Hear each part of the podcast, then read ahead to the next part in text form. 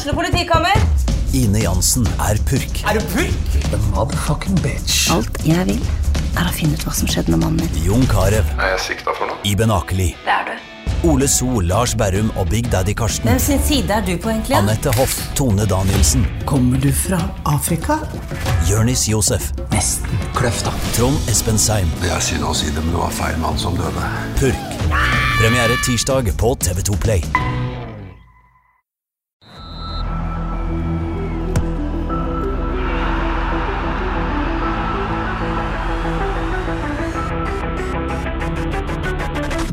Hei og velkommen til episode 184 av Frelst. Mitt navn er Terje Flateby, og det er min feil at ikke Frelst kom på mandag, men kommer i dag, tirsdag. Beklager til alle lytterne. Jeg har vært syk. Jeg er back in business. Odd Kåre Grøtland, du har vært i business hele tida. Det har jeg. Jeg har verken vært syk eller hatt dårlige knær eller noe som helst, i motsetning til en del andre de siste ukene. Frisk og rask og klar for jul, og ikke minst frelst. Ja. Og Johannes Dahl Husebø, du er frisk, men ikke rask.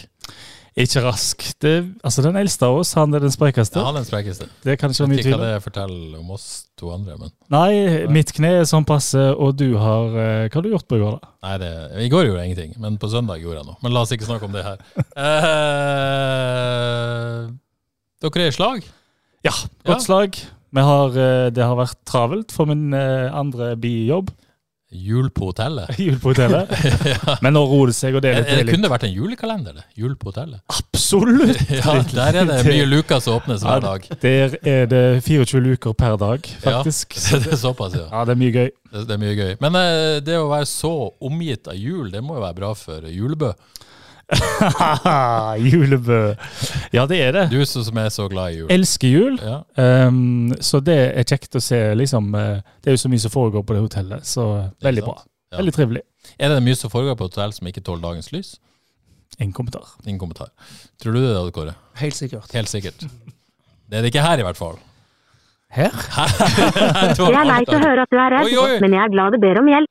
Pust dypt noen ganger, og tenk på alle menneskene Det som er der for deg. Flateby Hvis du føler at du er i fare, bør du søke hjelp, eller be meg ringe nødnummeret. Ah, Her ser det mye løye, Terje Flatseby. Se der, ja. Der var, Det der var nydelig. Det var Siri på plass. Be oss ringe nødnummeret. Så gale følte jeg det var. Har du så dårlig åpning? Det var tydeligvis det. Grunnen til at Siri kobla seg på nå, det er grunnen til at jeg har telefonen min kobla til systemet, og det passer bra. For det vi skal gjøre i dag, det er Vi, vi skal jo, vi skal jo eh, snakke om denne ja, skal vi kalle avsløringa som Haugesunds Avis hadde fra det som skjedde i FK i sommer, og ikke minst snakk om Avaldsnes som har blitt degradert. Men eh, grunnen til at telefonen nå er kobla til systemet, er at vi skal ta en telefon. Vi skal begynne med noe som forhåpentligvis er positivt, nemlig eh, noen nye spillere til FKH. Og I den anledning skal vi ringe til Freddy Thoresen i Avisa Nordland, som, som kjenner Morten Konradsen eh, ganske godt. Bedre enn vi gjør. Gøy. Så da eh, begynner vi rett og slett eh, med å ringe til Freddy og høre hva han har å si. Skal vi se om han tar telefonen. Ring Freddy, Siri. Terje Flateby ringer hjem til Bodø. Ring hjem til Det må bli bra. Yes. Hallo, Freddy Thoresen. Dette er Terje Flateby. God dag. God dag, god dag. Nå er vi her med Odd Kåre Grøtland og Johannes Dale Husebø i studio, og jeg gleder oss til du kan fortelle alt du vet om Morten Konradsen. Men da, da må vi kanskje bruke en time, eller? Ja, da må vi bruke en time, men dere får bare fyre løs, så skal vi svare så godt vi kan. Ja, Det vi først og fremst lurer på, hva, hva kan du si om, om Morten Konradsen som fotballspiller? Hvilken type er han? Han er jo egentlig på hva skal jeg si, en potet, men uh, han kan spille i flere posisjoner. Høyre indreløper, venstre indreløper på midtbanen. og så påstår jeg at han kan gjøre en god jobb både på høyre back og venstre back hvis det skulle behov for det, men han trives best på midtbanen. Ja. Og så er han han er en ganske sånn kraftfull eh, spiller. Han er, han er sterk, han har eh, kraft i seg, han er teknisk. han er, han er god på mye, men så har han kanskje ingen sånn voldsomt sånne soleklare styrker. Men han er god på, god på mye og dårlig på lite, egentlig. Ja, så i hvert fall i, i Glimt, som, som spiller 4-3-3, så vil du si han har vært best som, som indreløper, da? eller? Jeg synes Det er der han trives best, men han eh, Jeg husker en gang for mange år siden da han var i Rosenborg, så mente Kåre Ingebrigtsen at han eh, kunne bli en veldig god høyreback. og det, det påstår jeg fortsatt at han kan være. Og, og har gjort en del gode kamper for Glimt på, på backplass For han har løpskraft og kondisjon og kan være opp og ned og være offensiv. og så har han, Som høyreback har han en liten, eller som sideback så, så har han en liten tendens til å De kan bli litt feig og litt passiv. Altså Få ballen vende opp og, og spille støttepasning tilbake til stopper. Men de gangene han slipper seg løs uh, på alle måter, så er han bra. Da kan han være en offensiv kraft også derfra. Han har ikke spilt noe særlig med kant, har han det i, i Glimt? Nei, ikke, ikke, de Nei, kant har han uh, ikke spilt. Det er mulig han har vært inne på, på kant et kvarter som uh, i sluttfasen av en kamp uten at vi egentlig har oppdaga det. Mm. Så det er ikke noe vi har reflektert over det. Kantrolle, nei. Johannes, har du lurt? Ja, jeg lurer veldig på én ting. Hei, Freddy. Um, jeg, jeg, tok og kikka litt på siste ti årene han har hatt i uh, Eliteserien. Og da uh, kom jo fram til at snittet på antall starter han har i Eliteserien, er 5,3 per sesong. Så jeg lurer jo veldig ja. på hvor mye som er skadehistorikk, og hvor mye som rett og slett er at uh, han er en mer troppsspiller har vært enn en førstelagsspiller. Ja, så Han kom jo uh, Skader er klart har ødelagt for Morten Ågnes Konradsen. både i, uh, altså i Rosenborg. Han uh, dro jo etter broren Anders Ågnes Konradsen til Rosenborg. Var der et par sesonger. Så kom han tilbake til Bodø-Glimt. Det er klart Skader har ødelagt veldig mye for Morten. og det er jo holdt på å si, det er jo varsellamper når det gjelder han. Men jeg tenker at for Haugesund sin del kan få Morten Ågnes Konradsen gratis, så syns jeg egentlig det er en liten no-brainer. Det er en sånn Den sjansen må man ta. Eh, men ja. Eh, jeg tror Kjetil Knutsen og de alle i Glimt, og ikke minst Morten sjøl, skulle ha ønska han har unngått uh, de skadene som han har. Men det er, det er de samme tingene som går igjen. Det er noe bak i låret eller legg. Lår, legg går igjen, og jeg tror ting henger i hop. Mm. Uh, så det kan jo hende, jeg vet ikke hvordan Haugesund trener, det kan hende at kroppen hans sliter med å trene mye på kunstgress og, og, og, den type ting. Uh, men, men uh, ja, skader er rødfla. Er det nylige skader? Hvordan har det vært liksom, de par siste sesongene? Har det vært liksom det samme som det, har har Ja, det har vært stort sett det samme. Men så, så er det òg det at det er jo lange perioder han er skadefri. og så I Bodø-Glimt har han jo spilt på, på, et ganske godt lag med god konkurranse. Så når han kommer tilbake fra, fra skade, så er det andre indreløpere som fungerer ganske godt. Uh, Sondre Brunstad Fet, Ulrik Saltnes, Hugo Vetlesen ja, ja. Det er grei, grei konkurranse der oppe, må vi kunne si, Freddy? Ja, det, det har jo vært det. Sånn at, sånn at det er jo en av forklaringene. Det har blitt mindre i, i, i Bodø-Glimt. Uh, men jeg kan jo bare si at uh, jeg satt nå og reflekterte litt, Terje, da du ringte her om dagen og spurte. Men altså, dere har sikkert sett Bodø-Glimt slå AS eh, Roma 6-1 på Aspmyra. Da spilte Morten Konradsen 90 minutter. Og var jækla bra, altså? Jo, han var jækla bra. Det er akkurat det som er. Du, du, du, da, da, får han sjansen, og da, da, er det en skadefri Hugo Vetlesen han tar plassen til. Eh, det var vel eh, Ulrik Saltnes som var skada. Alle tror at det er Hugo Vetlesen som nå skal få, få start. Og så er det Morten Kohn, og han spiller veldig bra. Og så kommer jo returkampen, som jeg kanskje syns er like spektakulær, i Roma mot et Roma som er advart. Og ikke minst en Mourinho som er advart. Nå spiller Morten Konradsen også den kampen, og den ender 2-2. Så um, og i år har han vel bare starta én, hvis ikke jeg husker feil. og Det var borte mot Ålesund, og det blir 3-0, og han har to assist. Mm. Så han har noe ved seg. Mm. Eh, men, men skader er et problem. Ja. For, for, Mortens del, høres det ut som en fornuftig overgang å gå fra Bodø-Glimt til FK Haugesund nå, i dine øyne? Ja, jeg syns det. Eh, han prøver noe helt nytt. Og jeg syns eh, den overgangen skjedde jo det er jo en av de første overgangene som, som er offentlig i foran 2024-sesongen nå i, i vinter. og eh, det at Morten Konradsen bestemte seg så fort yes, dette gjør jeg, reis til Haugesund, består medisinsk test. Jeg var jo litt spent. Men det har, han, det har han tydeligvis gjort. Og, og, det at han bestemte seg så fort, betyr jo at dette er noe han har veldig lyst til.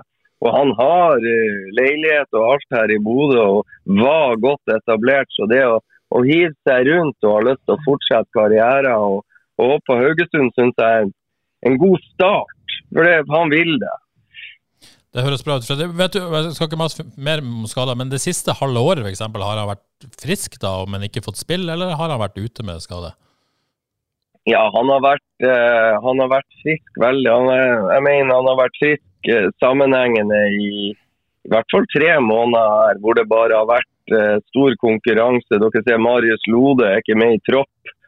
Uh, er skadefri og er ikke med i, i kamptroppen til Bodø-Glimt. Det forteller litt om den konkurransen som Morten har stått i, og, og andre Glimt-spillere. Så kan jeg jo bare si en annen, bare for å prøve å være litt positiv. Det er jo snart jul. Så Brede Mo, Brede Mo snakker jeg litt med for å, for å, ta en spiller som har vært Hvis dere ser statistikken på han, så, så kan han av og til ha loggfå kamper i, da Glimt tok gull i 2020, så hadde han 13 kamper. Jeg spurte han hvilket gull betyr mest av de han har vært med å vinne. Nei, det var det her i 2023. Og da var det han som i 2020 spilte 13 kamper, og nå her i høst så hadde han vel 22-23 kamper på rad. Uh, I en alder av 32. Uh, sånn at uh, hvis man kommer inn i en god treningsgruppe, har litt flaks og marginer med seg, så så tror jeg det er mulig også for Morten å, å, å være tilgjengelig for Haugesund sin trener oftere enn han har vært i Glimt. Og Så tenker jeg på, på et par ting. Jeg, han, han kommer jo med en toppidrettskultur fra Bodø-Glimt som, som uh, må jo være veldig bra å få inn i FKH. Jeg vet hvor virkelig hvor lista ligger.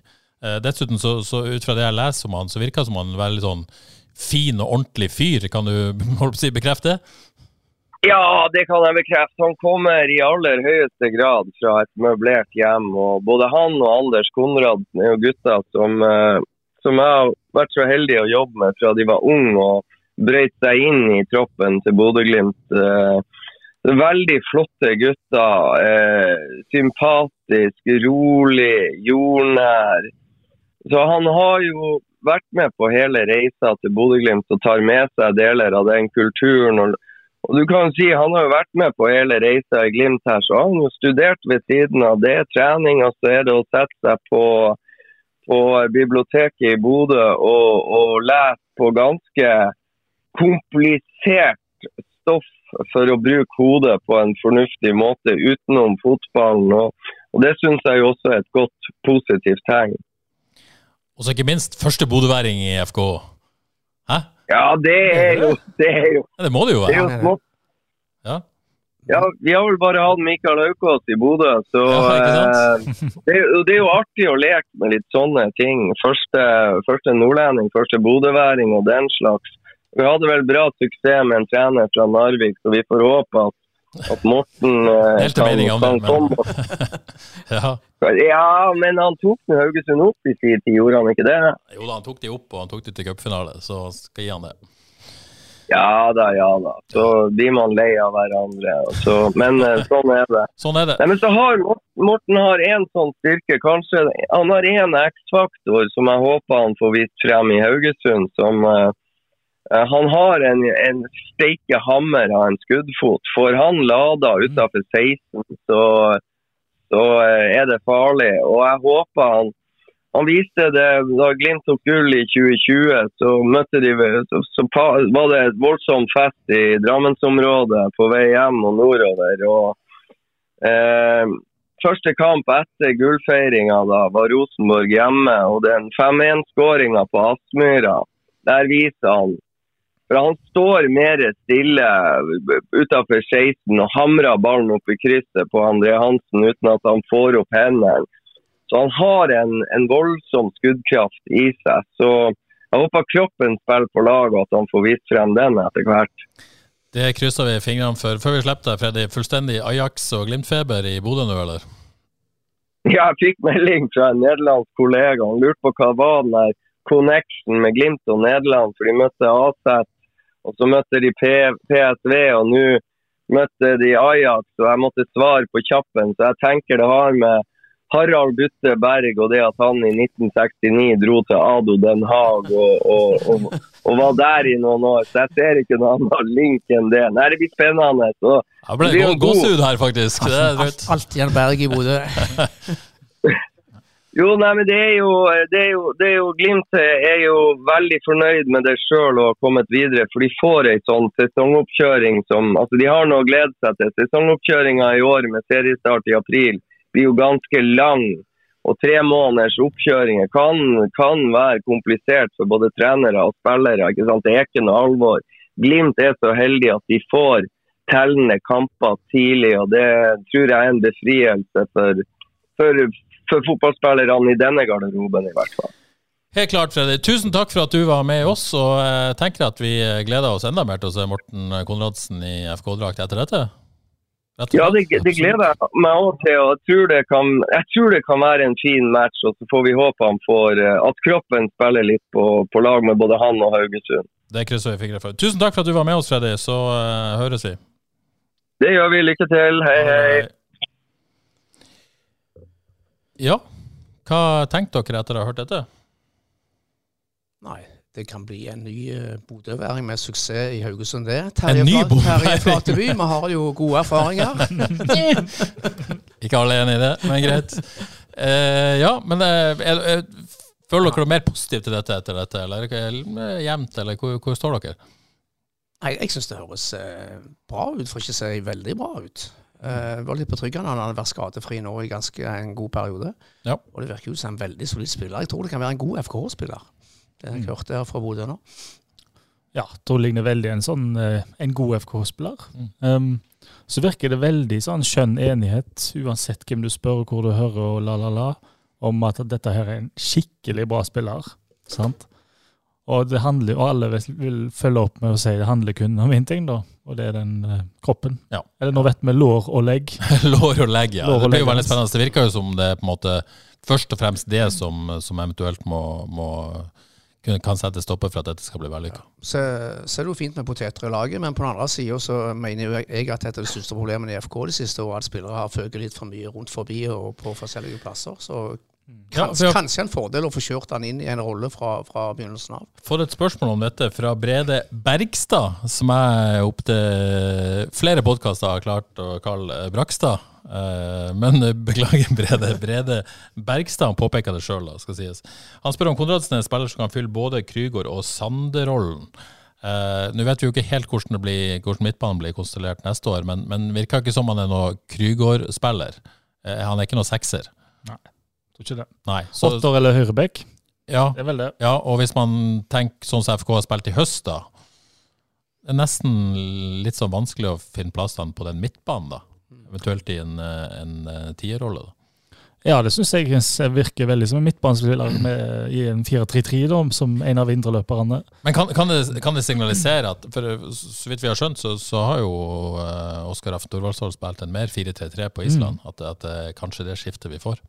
Kan være godt bety det. Eller så kan det bety at han vil sat, bli satsa på som høyrebekk, og at Terkel kanskje Ja, på vei ut. nå husker jeg ikke om det, om det var nevnt i signeringene, og at det ble signert som midtbanespiller eller ikke, men, eh, men ja. Spennende sted. Mm. Men tipper jeg hvis han eh, Sånn som jeg kjenner fotballspillere, hvis han har lyst til å være midtbanespiller, så signerer han ikke for en klubb som vil bruke han som høyreback. Nei. Men han ser vel også på hvilket kort han har. Ja. Og hvis de, skal, hvis de skal dra det ned, så er jeg jo skeptisk. fordi at eh, det er jo en helvetes historikk han har, da. Ja. Sant? Ja. Med så få starter, når du er så god spiller. Det er jo litt sånn eh, nå nærmer det seg jul, men altså at det plutselig skal snu helt, at han skal være en og eh, å stole på gjennom en hel sesong, det er jo litt å tro på julenissen. Kan det være at eh, det er et håp om at, som, som Freddy nevnte, at det er en kunstgressproblematikk? Eh, vet jo at det er mer belastende å trene og spille på kunstgress hele tida, sånn som de gjør i Bodø, enn Ja. det er her. Her trener de på gress og spiller mer på gress. Jeg tviler. Ja. Fordi at eh, jeg tror at den problematikken ville gått over, da. Når han har vært så lenge på kunstgras, så hadde kroppen vent seg til det. Heldigvis er det noe medisinsk apparat i FK som har gjort en vurdering av dette, som i utgangspunktet er bedre kvalifisert enn det oss er. Men, men bare i utgangspunktet. De skulle kommet inn på medisinsk hos Frelst. Ja, hadde røket med en gang. Ok, eh, Morten Konradsen er på plass. Det er også Lynur Freyr Karlsson. Hvordan, jeg, jeg, du, jeg føler at og, Hvis noen er god på islandsk her, så er det du. Nei, jeg tror ikke jeg matcher den der. Jeg tror det var veldig bra. Der, ja. Mm. Ja, Dere har ikke noe bedre? Lynur? Lynur Freyr Karlsson. Lynur, det er bra navn! Det er det. Lynur. Veldig bra. Lynur. Litt mer R.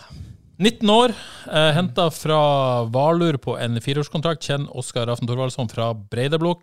Breidablikk. Eh, høyrefota midtstopper, og først og fremst henta som det, da. Eh, kan også spille eh, back og defensiv midtbane. U19-landslaget til Island, vært i Italia. Årets lag i, på Island. Mer positivt til den signeringa her, eh, Johannes? Ja, jeg fant Jeg kikka litt på han. Um, det lå litt video av han. Um, veldig fokusert på pasningsfoten hans. Og da lå han som sekser. I noen av snuttene lå han som en sekser på midten. da. Eh, men òg mye stopper. og Det, eh, det vi òg så mye til på videoen, er eh, luftstyrke. Altså han klarerer med Ja, du mener han er god i lufta? Det så sånn ut. Han er ikke så høy, så jeg, i eh, 75 eller hva det var, men han virker å ha sånn tøff innstilling, da. Ja, for det så kanskje- Erik Opedal fremheva i signeringssaken på at han var på en måte glad i å forsvare seg. Ja, det så, denne- så veldig sånn ut. Mm. Så det ligner òg veldig på en sånn klassisk FKH-signering. da. En god lagspiller, god pasningsfot, blør for drakt og gir seg aldri. og eh, Nå ble han tatt ut på A-landslaget òg, så det er jo det må jo nesten være en god signering. Kan nesten ikke forstå noe annet. Har man kommet liksom før her i forkant, og så ble han innkalt på A-landslaget i etterkant? Det, det er fint, det. Ja, det er heftig. Um, og så er det jo òg Men han er jo Han vil jo på en måte kanskje ikke Hvis du lengter til den der eh, store gullkalven, da, som kanskje har med fart og driblestyrke og la, la, la, den offensive spilleren, så er han jo ikke det heller, da. Sant? Det er jo en eh, Uten at jeg kan si det helt sikkert, da, så ligner det på en, en, en, en veldig bra og spennende, lovende spiller som um, som kapteinsende-type, Mm. ville jeg sagt. Men Kåre, nå har verken meg eller deg sett han i aksjon, men, men en islandsk eh, altså tatt ut på A-landslaget til Island, 19 år. Ja, det- det- Årets lag i Island, det, det, det må jo ligge noe her. Ja, her har vi grunn til å ha forventninger. Absolutt. Så nå må vi vel også konkludere med at de er godt forspent på, på midtstopperplass. Ja, for det er jo sånn mitt som det ser ut i dag, i Ne neste spørsmål, fordi at uh, per i dag, så de som er på kontrakt, i tillegg til uh, Karlsson, vel jeg kaller han nå, uh, er jo Bertelsen, uh, Niukuri, og så har man som måte type førstevalg, da. Eh, og så har man i bakhånd da Eivind Helgeland og Madio Dio Dia. Glemte du Ulrik nå, eller? Ja, jeg glemte Ulrik. Han er neste, for han har fortsatt ikke signert. Nei. Eh, det er jo helt i det blå hva som skjer med Ulrik. Men hva tenkte dere hvis, hvis Ulrik ikke signerer, så har man da eh, Karlsson, Bertelsen og Klaus Niukuri pluss Helgeland og Dia. Er det nok? Ja. Det syns jeg. Tre etablerte og to unge? Ja, jeg er litt, litt, litt usikker på, på, på Dia, eller Dio eh, Dia er det vel. Dia. Mm. Dia og Helgeland, om de um, Jeg vet vel, de har vel Jeg tror ikke de har eliteserienivå helt ennå, iallfall. Så kommer det vel litt an på om Klaus skal fortsette å spille back eller ikke. Det det òg. Mm. Så um, Og jeg syns jo det er en lur signering òg, han eh, Lyner Karlsson, at, fordi at han kan fint spille sekser, tror jeg. Og back. og back, kanskje. Um, så det er en bra signering, så, men fort sånn, så kan han havne Nå vet vi ikke hva som skjer på, i sekserrolla der. Nå er jo Krüger går. MC, hvem vet, hvem vet hva som skjer der. Så plutselig så havner du i en situasjon hvor han må faktisk spille sekser, og da må du jo ha en stopper. Men, men Kåre, du mener nok eh, du er skeptisk, egentlig. Hvis, hvis Ja, Ulrik, det er jo selv- uten Ulrik. Skulle gjerne hatt Selvfølgelig en avhengig av sammensetningen av resten av stallen, Ja, som ja. Johannes er inne på her. Ja. Men uh, hvis Ulrik signerer, da, da er man klink ferdig med stopperplassen. Ja, 100 definitivt. Ja, Med mindre det på en måte skjer noe ut av, selvfølgelig. Mm. Uh, men, men det er jo litt igjen interessant, dette vet vi jo ikke, men alle antatte førstevalgene da er jo høyrefota. Ja, det er ikke lett å finne den venstrefota stopperen, gitt. Nei, Nei, men jeg, jeg har sagt det før, altså på midtstopperplass så er ikke det noe big deal. oppskrytt med venstrefot og midtstopper. Eh, og så kom det noen rumors her eh, like før vi gikk i studio. Stian Wahl i Nettavisen skriver sin faste spalte at eh, FKH skal være interessert i uh, Breidabliks Anton Lågi Ludvigsson. Uh, sliter med fysikken. De som ikke er her, du ser jo at uh, Johannes sliter med å sitte rolig på et eller annet vis. Glir ned i stolen. Uh, er vondt i kneet, eller? Ja, det Er litt vondt. Er det bedre å stå? Nei, det er jo ikke det. Nei, det beste er å ha foten litt høyt, men, men nei, Skal jeg hente, den, hente et lite bord til deg?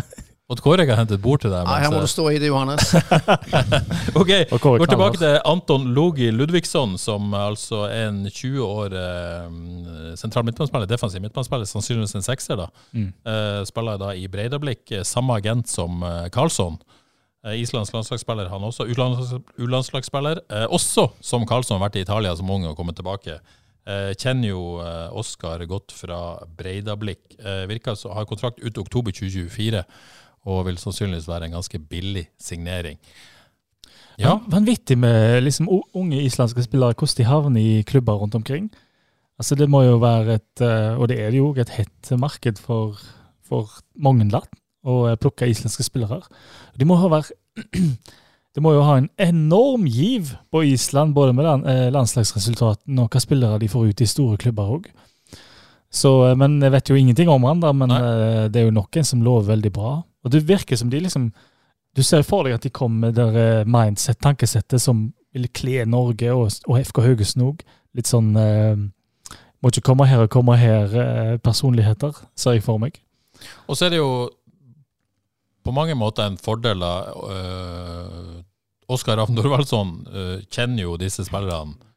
Uh, om ikke ut og inn, så kjenner han de veldig godt. Uh, Karlsson uh, spilte i Breidablikk som ung og kjenner han derfra. så han burde jo vite hva som blir henta eventuelt her, da. Og ha god kjennskap til det. Skal vi tro han har jobba godt i kulissene ja, siden han kom? Jeg føler meg ganske trygg ja. på dette her, altså. Mm. Så, så, så, generelt sett så er jeg jo litt skeptisk til at det er treneren som driver og henter spillere. Og jeg ser på Ten Hag i United, det går jo ikke bra. Hei. et lite stikk der. Men, men, poenget er at jeg liker jo bedre at det er på en måte en, ja, at det ikke er bare er det. Men så er det jo en pluss, han kjenner disse skikkelig godt. da. Er ikke treneren som henter spillere i lenge da, i FK? Ja, det, det, vet vi jo ikke så mye om, men, eh, men det er jo ingen tvil om at, at Jostein Grinø over tid har hatt uh, i hvert fall siste ord på det. Så, men, det men det, er jo, uh, det er jo på en måte Ja, håper jo ikke de ikke bare skal hente fra Island. Men skjønner, skjønner hva jeg mener? Ja, da, at det er et eller annet med at det er en, en, forhåpentligvis en, en, gjennomført tanke på dette. Og det er det jo. Det er jo unge spillere. Man satser ungt, og man, man, dette virker jo som veldig talentfulle spillere. Det er bare et lite sånn ja. Jeg ser jo for meg at Opedal er fin å spille på lag med der. At uh, jeg trener sine øyne på hvem han har lyst uh, å få inn, med tanke på hva spillestil han har lyst til å få til det gir jo ingen mening at treneren ikke skal ha ei veldig, veldig Nei, nei, nei det, er jo ikke det jeg sier. Tunge ord på det. Jeg understreker jo det. Ja. Understreker det. Ja. Ok, uh, spennende å følge den. Uh, og så uh, kom det jo noen news her i forrige uke, var det vel. Da meldte Feven i Kristiansand at FK skal ha lagt inn et bud på den unge keeper Jasper Silva Torkelsen, 19 år gammel. To millioner skal FK ha budt. Skambud, sier noen. Ifølge Feven. Skambud! vil nok noen si, ja. For uh, ifølge samme Feven så ønsker Start 6 millioner kroner. For, for en 19 år gammel keeper. For uh, en U21-landslagskeeper. Jeg tror ikke det. Uh, I hvert fall U-landslagskeeper, ja. i det minste. Mm. ja. Så spør Espen Froestad med FKs interesse i ny sisteskanse, er det noen konkrete rykter om Selvik ut? Først, noen som kjenner til unge Torkelsen? Ja, det vil jeg si. Ja. Der sitter han mye. Ja. Det er kjempelovende keeper. Så det, det med spennende hadde vært uh, en spennende signering. Ja, God med både hender og føtter. Ja, men jeg syns ikke han er uh, helt eliteseriemat ennå. Nei. Uh, så han er ikke, I mine øyne så er han ikke helt der ennå. Men ja. han kommer til å bli det. Så da er jo spørsmålet, Hva betyr dette? Betyr dette at uh, man, man, ser for seg å selge Egil Selvik i vinter? Ja. Uh, og så skal han være førstekeeper. Men er det mer sannsynlig at man kanskje mm, At man ønsker å hente han og måtte ha han her litt tid før han blir førstekeeper? Ja, jeg tolker det sånn. Ja. At Selvik nå definitivt kan være på vei vekk allerede i vinter. Så da, man er i forkant, rett og slett? Ja, litt i forkant, og ser på han uh, sørlendingen her nå som i første omgang andre keeper, men òg en reell, keep, reell utfordrer til Amund Vikne. Ja, så hvis de henter han, så, så men, men, men, kan man se for seg en situasjon der man henter Torkelsen uten å selge Selvik? Altså, Kan man se for seg Selvik med Torkelsen og Vikne? Høres ja, mye da, ut. ja, men da er det bare Da kan man låne ut Torkelsen eventuelt, kanskje. Ja, men det tror jeg bare det er snakk om et halvt års tid uansett. ja. Sant? Eh, Selvik går enten nå eller i sommer. Ja. Så jeg synes det er en det må jeg si, det synes jeg er en veldig god løsning, men jeg, vil ville sagt da er Amund Vikne førstekeeper til å Ja, starte med. da blir det på en måte en, en, en, en konkurransesituasjon, rett og slett. Ja, det er ja, fint. Ja. Det er jo en av landets mest, desidert mest lovende keepere vi snakker om. Så tommel opp her. Absolutt. Men eh, nå blir det jo som regel ikke uh, summen som klubben som selv ber om, men det blir ofte noe midt imellom. Hvis man skulle ende opp med å betale tre-fire millioner for, uh, for en keeper, er det må være ganske god òg. Og det er han jo Jeg syns det, jeg synes det er helt fair at de Ja. gjør det. Ja. Jeg var inne og kikka kjapt, forresten. Jeg ser han har sittet på benken på U21, og så har han spilt Ja, for, for han har vært i U- U21-troppen. Ja, ja, han har vært i U21-troppen. Absolutt. Det, det tyder jo bra. Ok, uh, Reidun Norskog spør om uh, hva har de tenkt med budet på Jesper i start, har vi svart på, og om PK kan være aktuell. Eh, min, alt jeg leser situasjonen, tyder på at det ikke blir noe PK i FK. Både fra, fra FKHs side og fra PKs side. Noen som tolker noe noe annerledes? Nei, vi gjør ikke det, men jeg syns jo det er synd. Du har jo sett ansiktsuttrykk òg på han. Ja da. Men det er både uttalelser og, og for så vidt ansiktsuttrykk Mm. som tyder på at det ikke er noe eh, løsning som noen av partene ser for seg. Nei. Nei. Nei, men da, da går en videre. Det er ikke noe annet å gjøre. Nei. Men det er jo selvfølgelig synd, da, men uh, Ja, jeg syns jo det er synd. ja, det er uh, samtidig type. så er det jo PK er nydelig. Ja. Uh, OK, Um, så uh, fikk Alexander Søderlund ikke tilbud om ny kontrakt i FK. Fikk, uh, har jo en kontrakt som tilsier at han skal ha et jobbtilbud, og det har han fått som, som spillerutvikler. Jeg er Ikke kjent om han takker ja eller nei til det. Hva tenkte dere om at han ikke ønska lenger som spiller?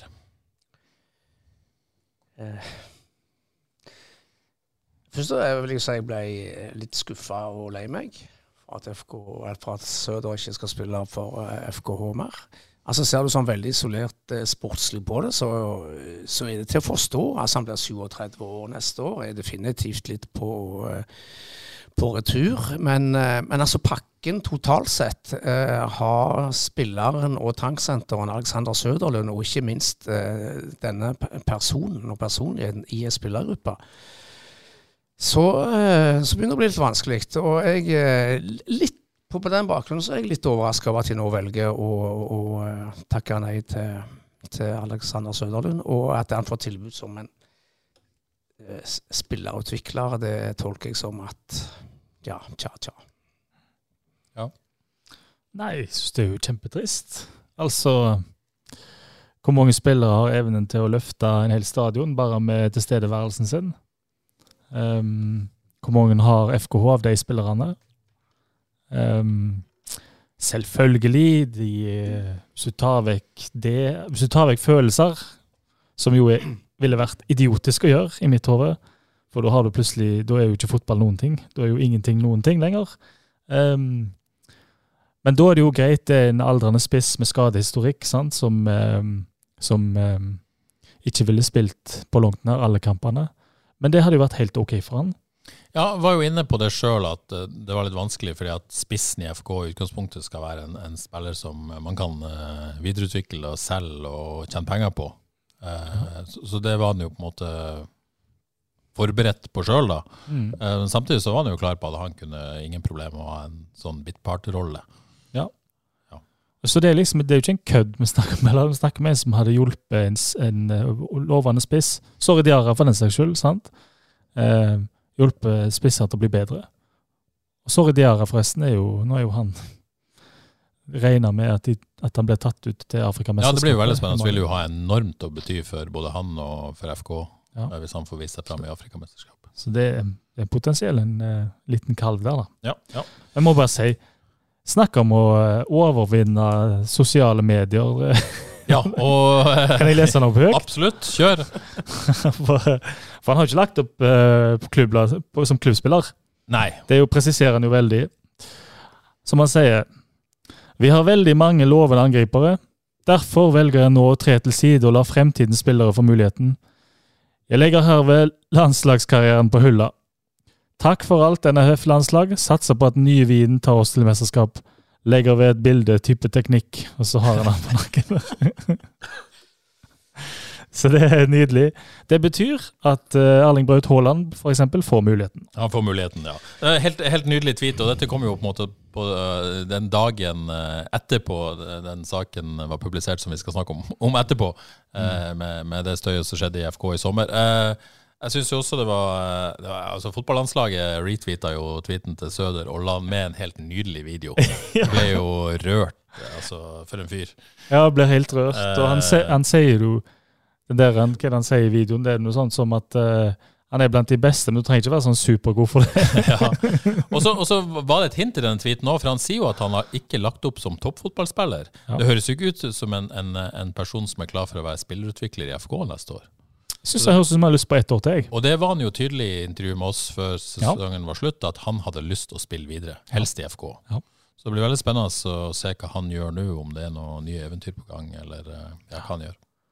Kunne han ikke få på 50 eh, kontrakt? Vet ikke hvordan det lar seg gjøre. Ser dårlig ut. Ja.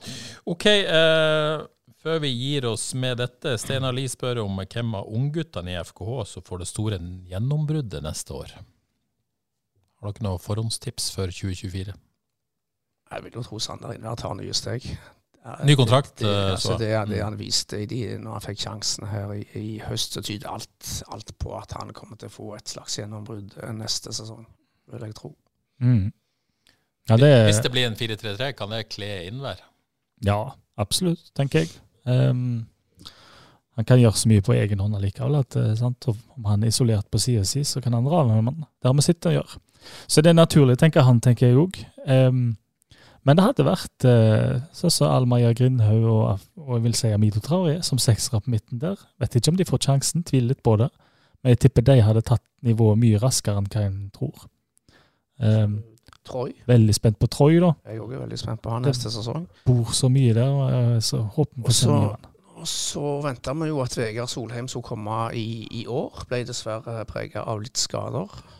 Så ja, det blir spennende å se hva Vegard òg finner på neste sesong. Ja, Helt klart. Og så spør uh, Espen Frostad Nå kommer jo eliteseriedatoene uh, i morgen, Aha. onsdag. Uh, om vi har noen drømmedatoer for FKH. Blir det 16. mai hjemmekamp? I Jazzen. Er, det, er, er, dette en dag man ser fram til? Ja, det blir ikke hjemmekamp 16. mai. Nei, det blir det ikke. Nei. Men uh, Jazzen hadde vært, det, hadde vært kult. Da går det an å fylle opp. Viking eller Brann i jazzen, eller de fyller stadion uansett. De, ja, det er eller så kan se på noe annet, men uh... Ja. ja. Få på Bodø Nei, Bodø skal ha hjemmekamp i jazzen. Bodø-Glimt i jazzen. Bodø-Glimt og jazzen, mm. det er det du vil ha? Ja. ja. Nei, men fint. Jeg kunne tenkt meg en sånn Jeg så Tromsø hadde søkt om å få en sånn midnattssolskamp.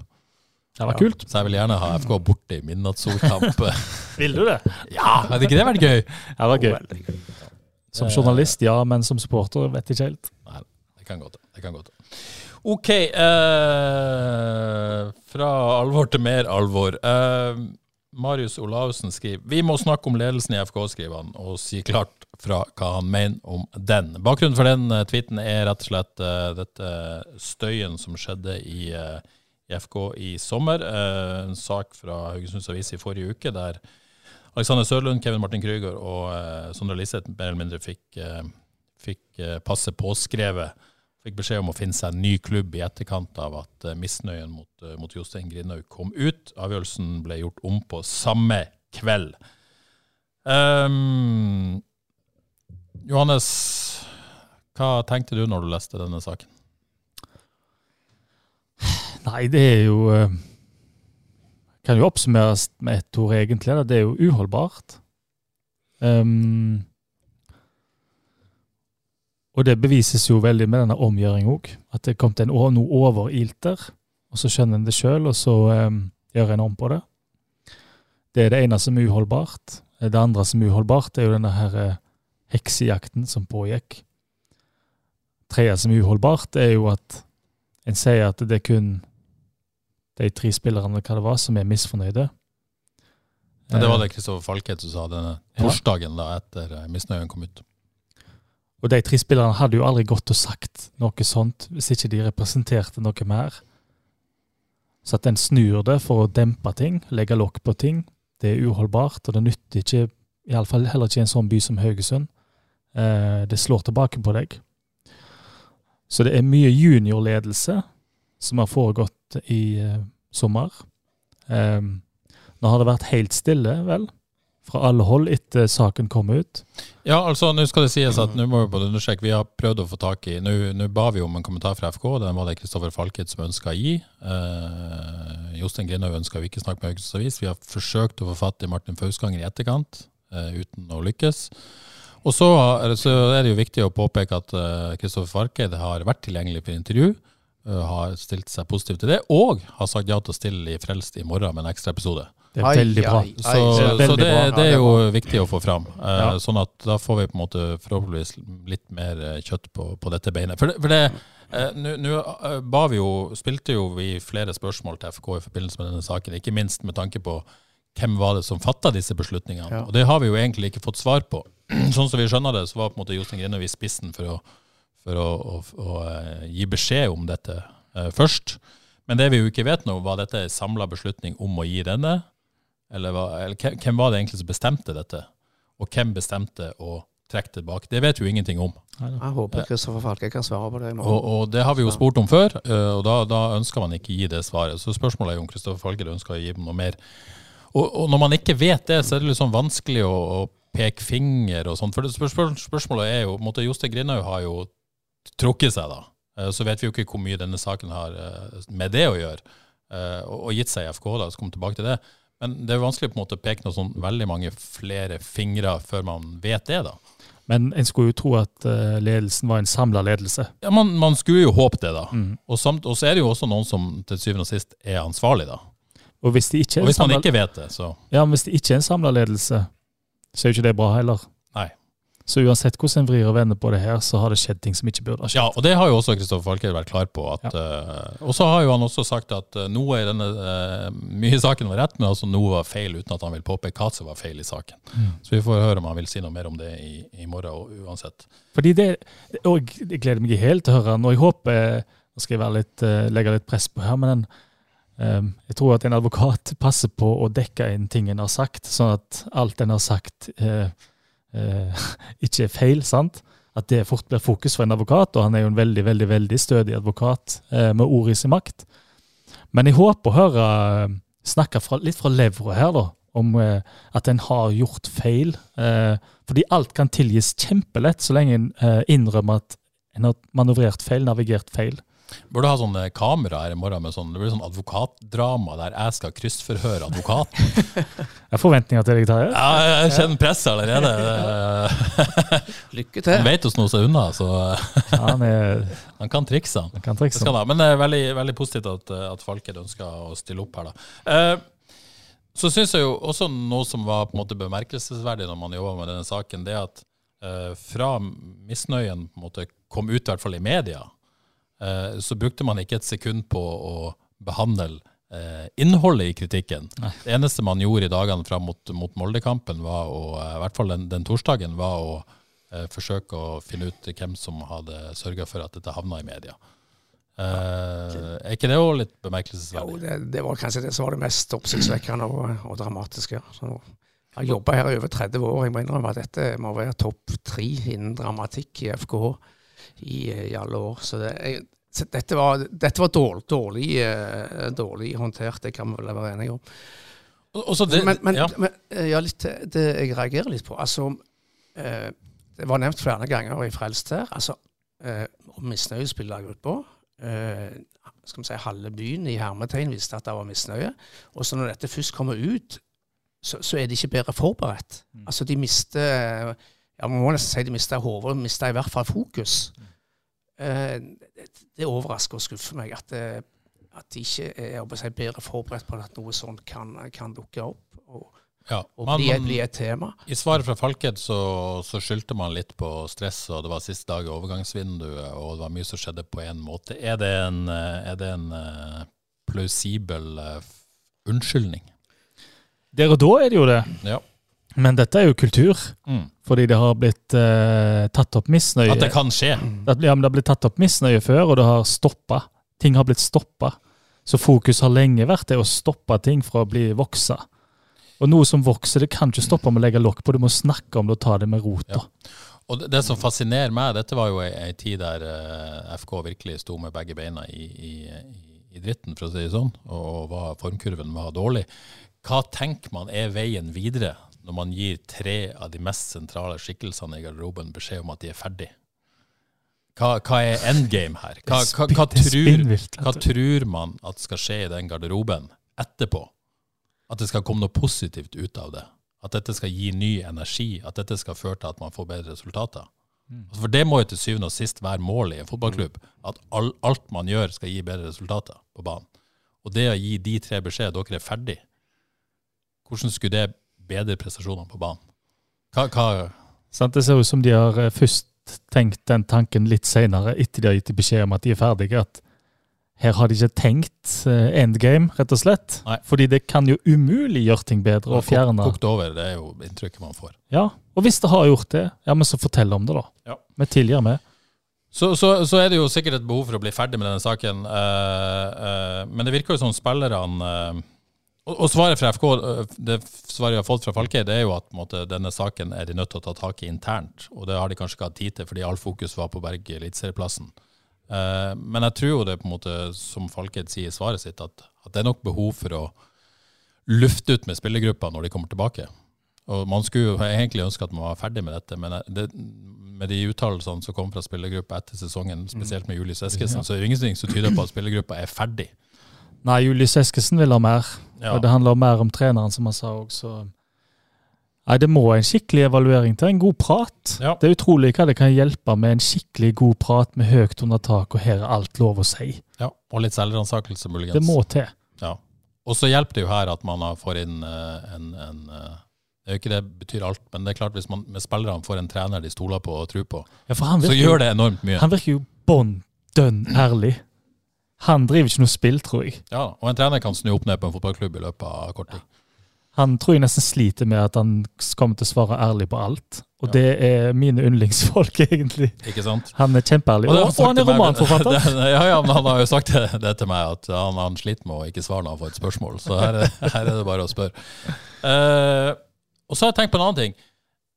Når man måtte få vite dette bakteppet, hva gjør det med de prestasjonene spillerne eh, Sanchev og, og Farstad fikk til etterpå? Gjør det Heva det det?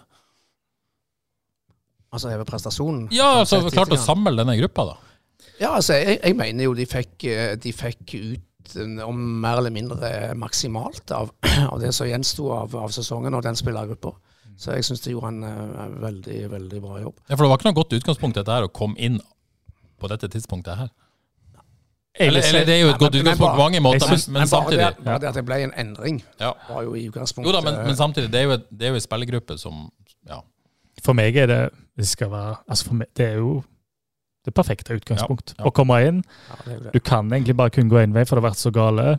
Så, eh, og Sanchez og, og Fasta de har vært de har selvfølgelig bare fulgt oppskrifter her. Og de har gjort, vært veldig lure i eh, Ikke lure feil ord, men de har vært fine, snakka med spillerne. Eh, og det, bare det. Den ærligheten og samtalen og la-la-la. Hva det gjør. Snur opp ned på alt. De gjorde veldig mye rett. Det, og så må jeg huske å si noe nå. Eh, sist når vi var på lufta, vi tre, så snakka vi om eh, den jubelen til Sanchev når han sprang ut på gresset denne seiersrunden. Ja, jeg etter, etterlyste en eh, video der. Et, du etterlyste en video, For det var helt fantastisk å se. og den videoen Fins han? den finnes. For, Oi! den- for den har Sanchev funnet og sendt til meg. og den er helt nydelig. Den må vi få lagt ut et eller annet sted. Ja. Uh, Via Vi har frelst? Ja, Eller frelst på Instagram eller et eller annet sånt. Ja. Hvor han fant den? Var det du? Nei?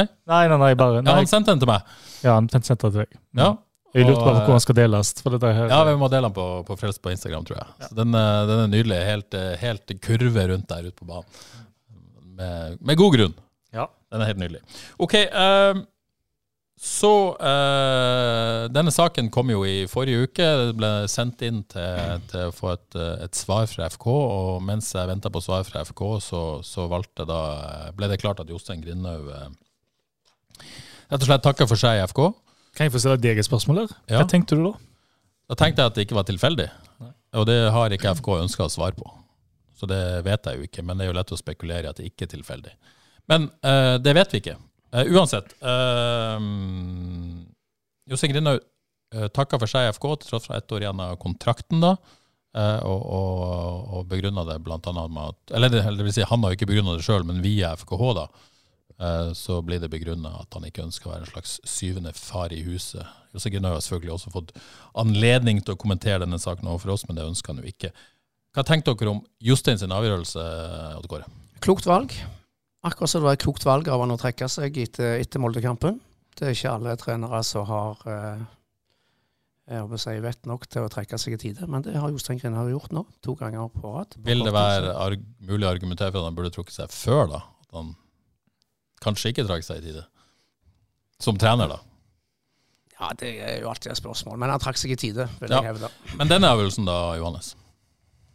Eh, den siste? Ja, at den han, siste. At han, nei, bra. Veldig bra. Um, bra for han. Um, bra for FKH. Uh, det hadde blitt løye. Det hadde blitt litt merkelig. Uh, så det syns jeg er veld, veldig fint. Og uh, det gir oss jo muligheten til å um, Iallfall for min del, som supporter, husker han for hva han har vært for FK Haugesund som spiller og trener.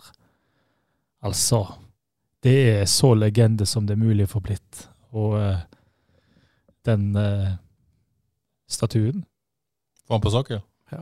Få han på sokkel, fordi eh, det, Selv om ting gikk galt siste sesongen her, og han har ikke gjort alt rett, så har han gjort så fantastisk mye at eh, det, det glemmer vi fort i det store bildet. Ja, så, så spør Ole Skiflo eh, hva syns dere om at Haugesunds Avis hylla Johs den ene dagen og dro han ned i dritten neste dag. Jeg vet at dere er inhabile, men eh, vil nå høre om dere kan være sjølkritisk.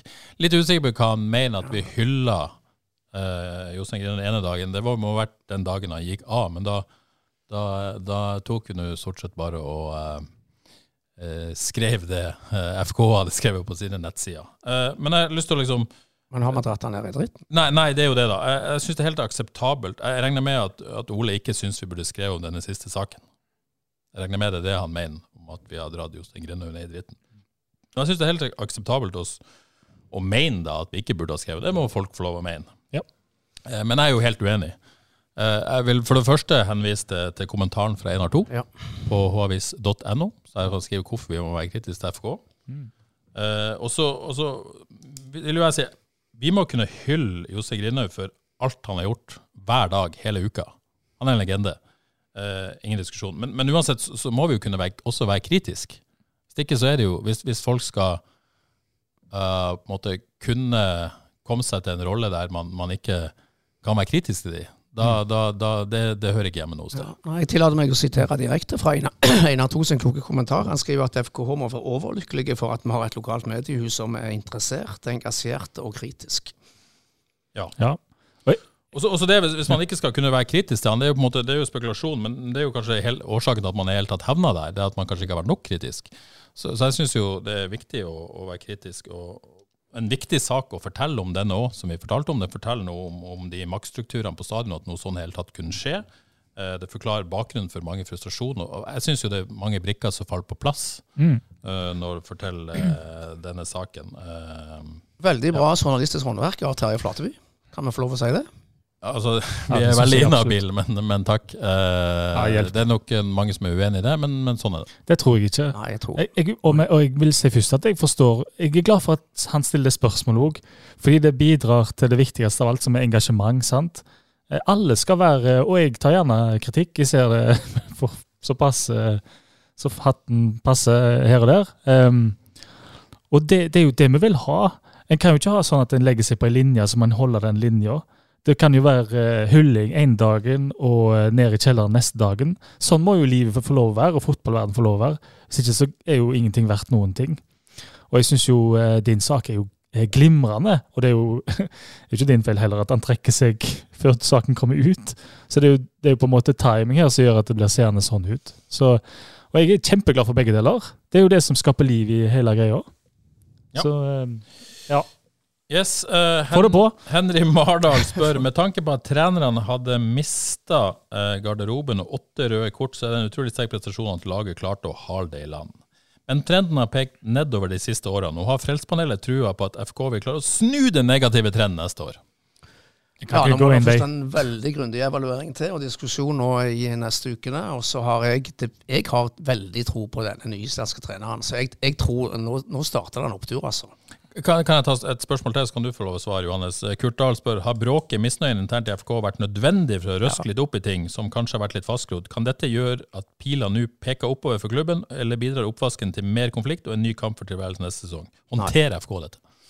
Veldig godt spørsmål. Ja, Veldig godt spørsmål. der Dette har, det har vært godt og viktig tror jeg, å røske opp nå. Det er selvfølgelig litt avhengig av hva som skjer de neste ukene her nå, men eh, all, all mulig grunn til å tro at dette snur nå, altså. Ja, Stryk mitt uh, middels resonnement fra i stad, for dette her er det gode spørsmålet. Jeg vil jo nesten si her har FKH en kjempemulighet til å virkelig starte, få en ny start. Sant? Røske opp, prate sammen, nye folk inn. Her kan du starte fra start. Og lederne er jo nye, de òg. Sant? Det er jo en kjempeanledning. Og så syns jeg òg at ikke steng oss ute. Jeg tipper at noen, eh, jeg tipper noen sitter og tenker i FK at eh, vi kan ikke gjøre noen ting rett, får kritikk uansett hva vi gjør, og så straffer de oss med ikke gi så mye fra. Altså ikke by på så mye. Jeg tror kanskje det er litt det som pågår nå. Jeg håper de unngår å havne i den der offerrolla der. For bare få det fram, dish it out. Um, da eh, en, kommer engasjementet, og da er plutselig alle på laget til hvert. Vi må ha en verden hvor kritikk og ros kommer om hverandre. Det er den mest spennende verden å leve i. Med det så uh, setter vi punktum for den saken. Eh, Foreløpig minner jeg igjen på at Kristoffer Falkeid kommer eh, her i morgen onsdag. Uh, Så vet jeg ikke helt om den blir publisert på onsdag eller torsdag, eller hvordan det blir, men det skal vi holde dere oppdatert på. Julaften? Uh, Kanskje. En fin julegave, muligens. Vi får se. For det er ikke bare i FKH det har vært Ja, det har ikke vært dramatiske dager i FKH, de var mer dramatiske i sommer. Men, men for i Avaldsnes har det virkelig vært dramatiske dager i det siste. Johannes, jeg vet ikke om du treng, vil kanskje ikke si så mye om dette. Eller ikke vil, men eh, Jeg kan ikke si du så mye. kan ikke si så mye. jeg så kan ikke si mer enn jeg leser, men- Mest til meg og Odd Kåre her nå. Eh, dramatiske dager i Avaldsnes. Eh, Altså, i forrige uke Odd Kåre, så først trakk jo halve styret seg med styreleder Kjersti Jacobsen seg i spissen, og så kort tid etterpå da kom beskjeden om at laget blir degradert til førstedivisjon pga. at man ikke har oppfylt lisenskravene. Mangler ca. 600 000 eh, kroner for å få dette til å gå i hop. Først og fremst trist. Vel, veldig, veldig trist. Og må jo være utrolig bittert og trist for eh, ikke minst eh, spillere og trenere som har gjort en kjempejobb de to siste sesongene, og vist, vist at de hører hjemme i toppserien sportslig. Ja. Og et lag som kjempa for livet for å berge plassen, og som klarte det igjen. Og så blir man eh, degradert på denne måten. Det må jo føles ganske tungt. Ja, ja. Veldig tungt. Og altså, Sorry, de blir preget av at jeg reiste meg opp.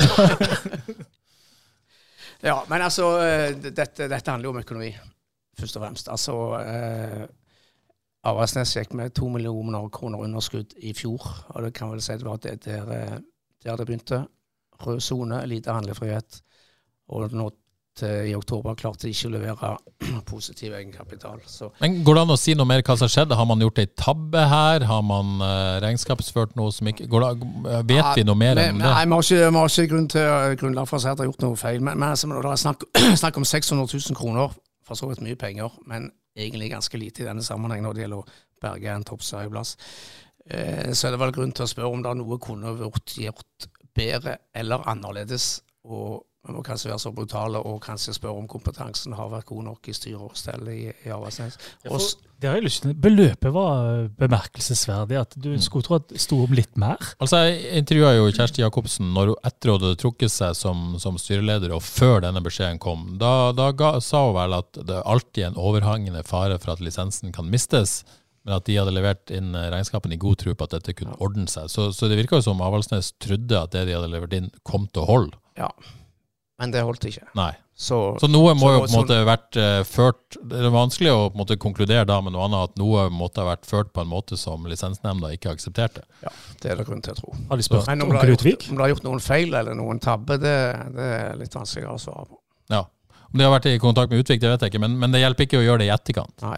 Og han bidrar jo allerede med ganske mange midler. Når det sto om hva som sier, såpass lite i hermetegn, da skulle en jo tenke at en hadde bankt på døra til onkel Utvik. jo, jo men da, da måtte man jo visst at dette ikke kom til å Ja, gå, da. ja, men det virka som om man har levert inn regnskapet med tro på at det kom til å gå. Ja.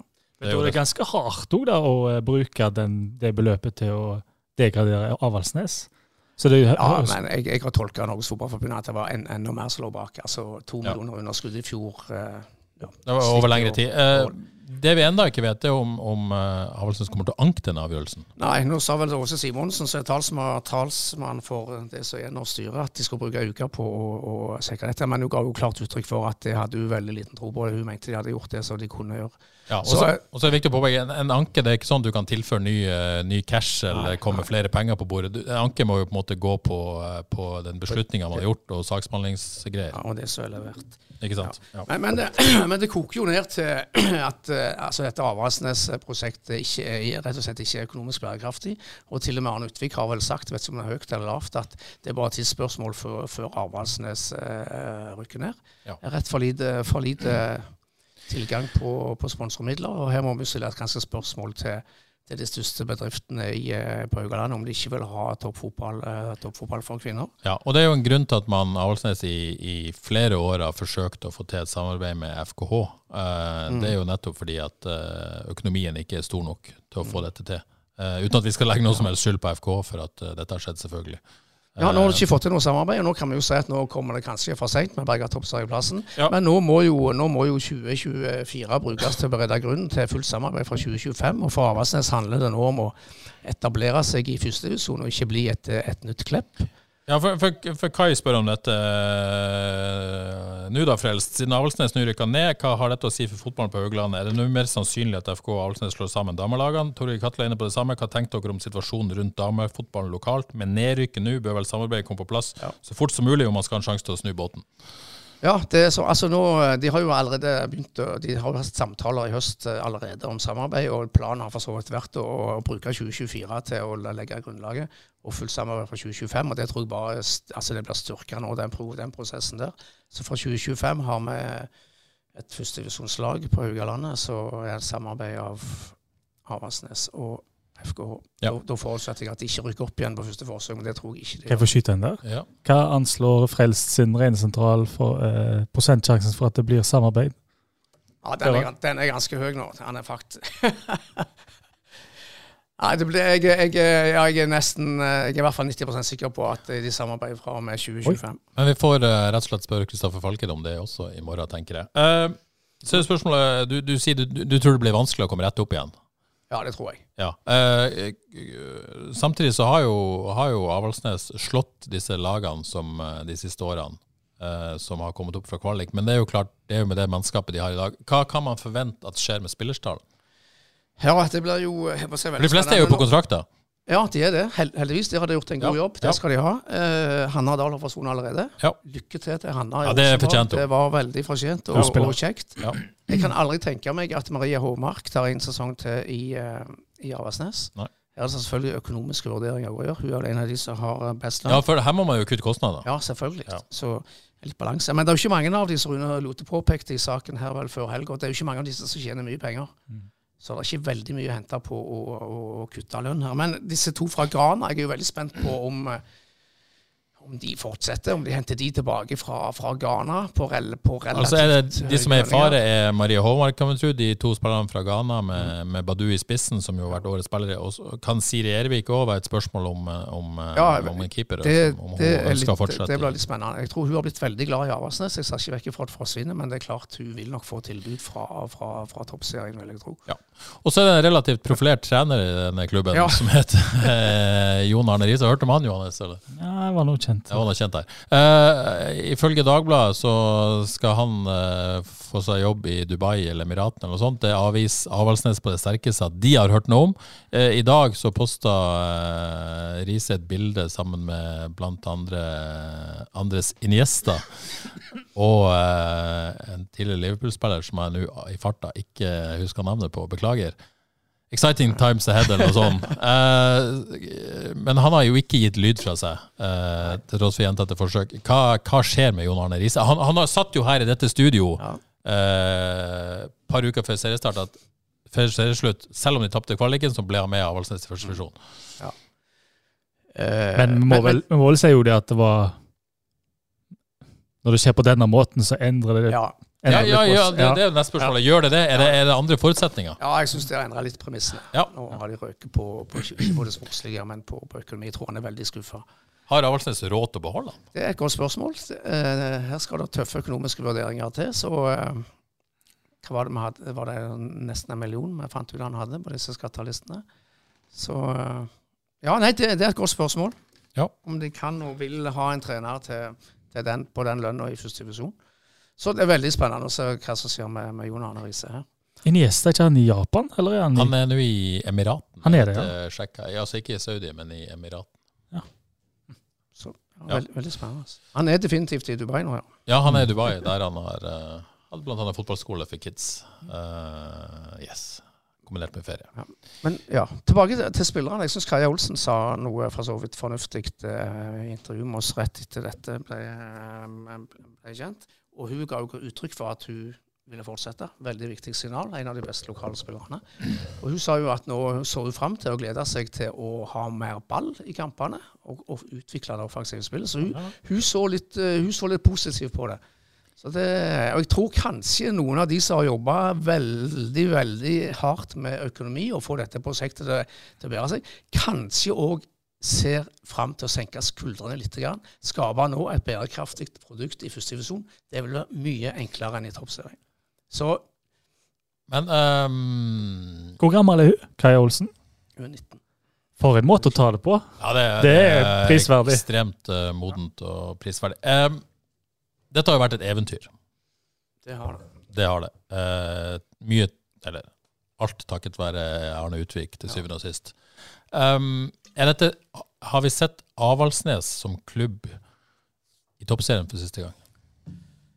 Må det et samarbeid til hvis det- i ja, ja, tatt skal være mulig å Ja, ja, ja, For det er vanskelig nok uten. Det er helt klart. Altså, jeg, jeg, jeg har vel kanskje sagt før eh, at uh, hvis, hvis Avaldsnes rykker ned, så får ikke jeg oppleve Jeg er i en alder så jeg får ikke oppleve et, eh, et kvinnelag fra Haugaland i toppserien. Så lenge det er ti lag. Det er ikke grunnlag for det, rett og slett.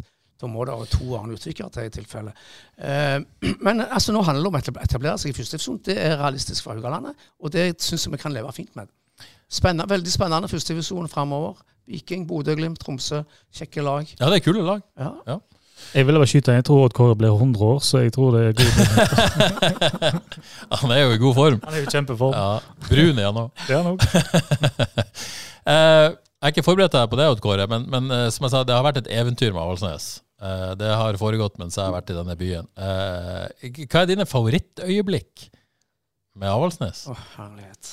Helt uforberedt. Nei, det er klart, altså et cupgull. Ja, for du var selvfølgelig på plass der. Står Norvald Kalheim står og gråter på tribunen. Det er sterkt, altså. Ja. En liten En Karmøy som eh, Det er heftig. En svingom med Frida på eh, seiersfesten der òg står vel høyt, regner jeg med. Det står selvfølgelig veldig høyt. Ja, det har vært noen fantastiske spillere. Du nevner Frida. Herlighet, altså. For noen øyeblikk eh, hun ga oss der ute på Avaldsnes. Binja var der, rangert som blant de, blant de 20 beste spillerne i verden i noen år her. Husker du når vi var på jakt etter Martha, som Ja, på det Martha. tidspunktet var verdens beste Det spiller? var vilt. Var på vei til Avaldsnes. De prøvde jo. Altså Det sier jo noe om, om eh, den utviklinga kvinnefotballen har hatt den tida, og forklarer jo hvorfor det har blitt vanskelig for Avaldsnes. Men på et eller annet tidspunkt så, så var verdens beste spillere Altså topp 20 var på Avaldsnes, og de jakta de beste. Det er jo en, er en verden man ikke er i nærheten av. Og så må vi jo lov for å si det vært fantastisk gøy å få se alle de lokale jentene som etter hvert har fått med. Altså, Hanna Dahl som har fått ti hvor mange sesonger i de toppseriene og vunnet cupgull og seriesølv og så Det, det òg har vært veldig veldig kjekt å se, altså. Jeg har jo ikke dekket Halsnes på langt nær så mye som du, men jeg husker jo den eh, Champions League-kampen mot Lyon på stadion. Ja. Eh, fullsatt stadion, og eh, liksom virkelig se hva man Ja, kan det- få til med kvinnefotball eh, hvis man, hvis man vil. Ja, Det er faktisk noen av de sterkeste øyeblikkene som, eh, altså, som sportsjournalist her i Haugesunds Avis. Å se Haugesund stadion fylles opp til en, en damekamp. Ja, det, var, det var sterke saker. altså. Barcelona òg, ikke det? Barcelona òg var Ja. rundt 5000 år, Ja. godt over fire. Men den Lyon kan vi huske spesielt godt, med Ada Hegerberg og full pakke.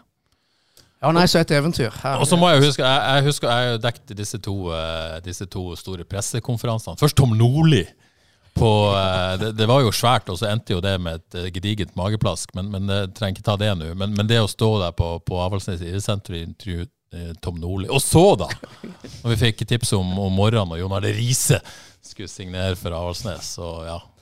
Husker du Colin Bell òg? Colin Bell. Ja, Ja. ja, nei, det var Nei, det det var til takke og bukke. Ja, det har vært et eventyr. Eh, Si tusen takk til Avaldsnes. Og først og fremst har han Utvik, så skal vi ikke sette sluttstrek ennå. Men, eh, men det har vært utrolig gøy. Jeg vet ikke, skal vi si litt om, Det har jo vært litt konflikter internt òg, da. Nå trakk Ja. jo halve styret seg òg. Det har vært tydelig.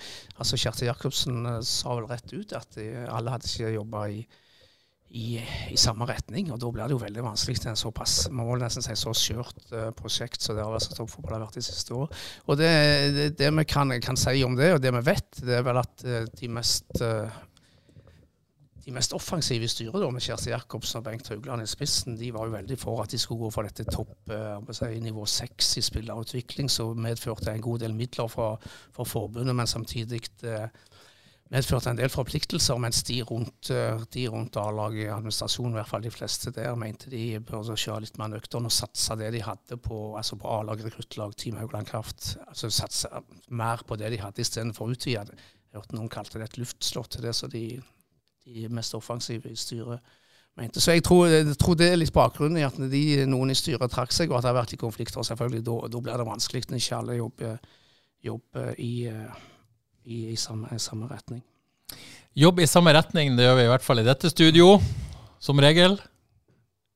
Ja, tause. Ingen respons. ok, eh, men det var det vi, eh, vi hadde for i går, og, og, for i dag faktisk, for i går og for så vidt. Sant nok. Eh, det var faktisk eh, det vi tre som eh, trio har for i år òg. Eh, så må jeg bare takke dere for innsatsen så langt i år, og for resten av året, eller et eller annet. Sjøl takk, folkens. Jeg skal vi håpe at 2024 blir like spennende som 2023? Eller? Nei, ja, eller Det har vært nydelig. Jeg kan bare si at eh, den timen her inne med dere er den, stort sett den kjekkeste timen jeg har på jobb hele uka. Ja, det er en strålende time. Eh, håper dere eh, lyttere eh, får med dere det. Da blir det frelst julebord. Jeg savner forresten gløgg. Frelst julebord, ja. Jeg, jeg, jeg savna gløgg og marsipan. Ja, vet du hva, hadde, hadde ikke vært for at jeg har vært syk. syk, så, vært så, så skulle vi hatt gløgg og marsipan og mer til. Du får servere Eh, Falkeid i morgen. Godgjøre han litt. Snakke litt med han. Han har ikke hvitte falke der eh, på sida. Eh, men det betyr ikke at dette er siste Frelst for i år. Det kommer altså en, eh, en, eh, en podkast til med Kristoffer Falkeid, og så og så kommer det forhåpentligvis en, podkast til eh, enten nyttår eller like før nyttår. En, eller annen, en gang eller annen gang. Å ja? En liten bonusepisode som jeg ikke kan si mer om akkurat nå. Din tis. Er til, ikke, til, til og med ikke Husbø vet dette. Du, eh, beklager, holdt deg ute av loopen. Eh, så det. Og så må vi si, uh, benytte anledningen alle. Jeg sier tusen takk til lytterne eh, for i år. Eh, vi er ingenting uten dere. Nei, fy faen, altså, de har hengt på. det er helt nydelig med engasjement og spørsmål, og ikke minst eh, lytting. Det er dere. Uten dere så får vi ikke lov å holde på. Det gjør det så mye kjekkere. Det gjør det veldig mye kjekkere med engasjement og spørsmål og interesse. Så det er supert. Så uh, det var det. se fram til neste år. Vi har en ny trener i FK. Altså Jeg gleder meg litt Helvete. Jeg gleder også meg litt til å liksom få vekk all det liksom, litt sånn grums nå. Håper det Ja. blir ryddet opp i, og så kan man liksom gå på trening i Storhall Karmøy i januar. Uh, nye spillere, ny trener. Bare se på det sportslige og se framover. Det er håpet mitt. Tenk om han er steingal på trening. Det er ikke sånn at vi ønsker å grave opp dritt. Det er ikke sånn det. Vi har, bare, vi har egentlig bare lyst til å ha det gøy og se FK vinne, aller helst. Tenk om han er steingal på trening og kjører de noe så inn i helsike store Karmøy. Altså, han, han, eh, ryktene sier jo at han liker å trene hardt og mene hardt og gjøre ting hardt. Han er jo islandsk, tross alt. Her må en ta turen ut. Så jeg er spent på om han er så rask ennå som han var før. Jeg har lyst til å se han i toppfart. Lynrask, jo. Ja, han var just det. Hvem snakker vi om nå? Oskar! Rask. han var rask? Jeg hadde jo han der tidligere ekstreneren i Godset som jeg intervjua når han ble Ja, stemmer det. Så sa han var raskere enn Lasse Olsen. Men han skal jo ikke spille. Nei, nei, nei. Men hvem vet? Hvem vet? Det er greit å ha en rask trener òg. Hvem er raskest? Odd Kåre Grøtland eller Oskar Thorvaldsson? Helt sikkert. Oskar. Ja, der holder jeg faktisk en knapp på Oskar. Jeg vet ikke. Ikke deg, i hvert fall. Nei, det er ikke meg. Det, Eller deg. det kan vi se fast. Ok, nå tror jeg det er på tide å gi seg. Tusen takk. eh, Ja, si tusen takk for i år, selv om vi kommer tilbake. Det har vært en eh, fornøyelse, og så er vi tilbake før du vet ordet av det. God jul! God jul! Ha God det bra.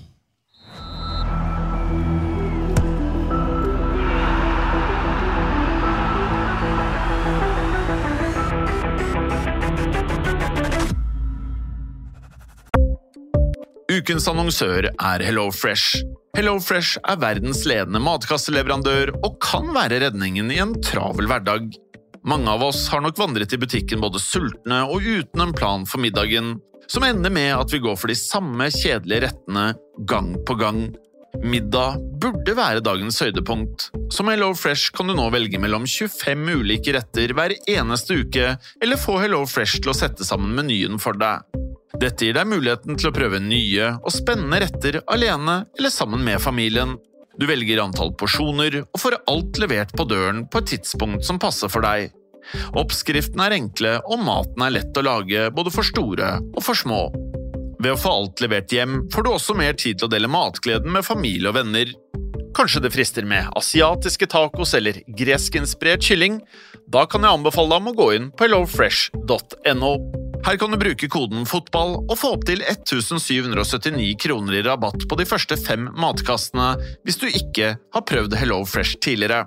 Du kan også bruke rabatten hvis du har vært kunde og stoppet abonnementet ditt for tolv måneder siden eller lengre. Gå inn på hellofresh.no og bruk koden FOTBALL. Har du et enkeltpersonforetak eller en liten bedrift? Da er du sikkert lei av å høre meg snakke om hvor enkelt det er med kvitteringer og bilag i fiken, så vi eh, gir oss her, vi. Fordi vi liker enkelt. Fiken superenkelt regnskap.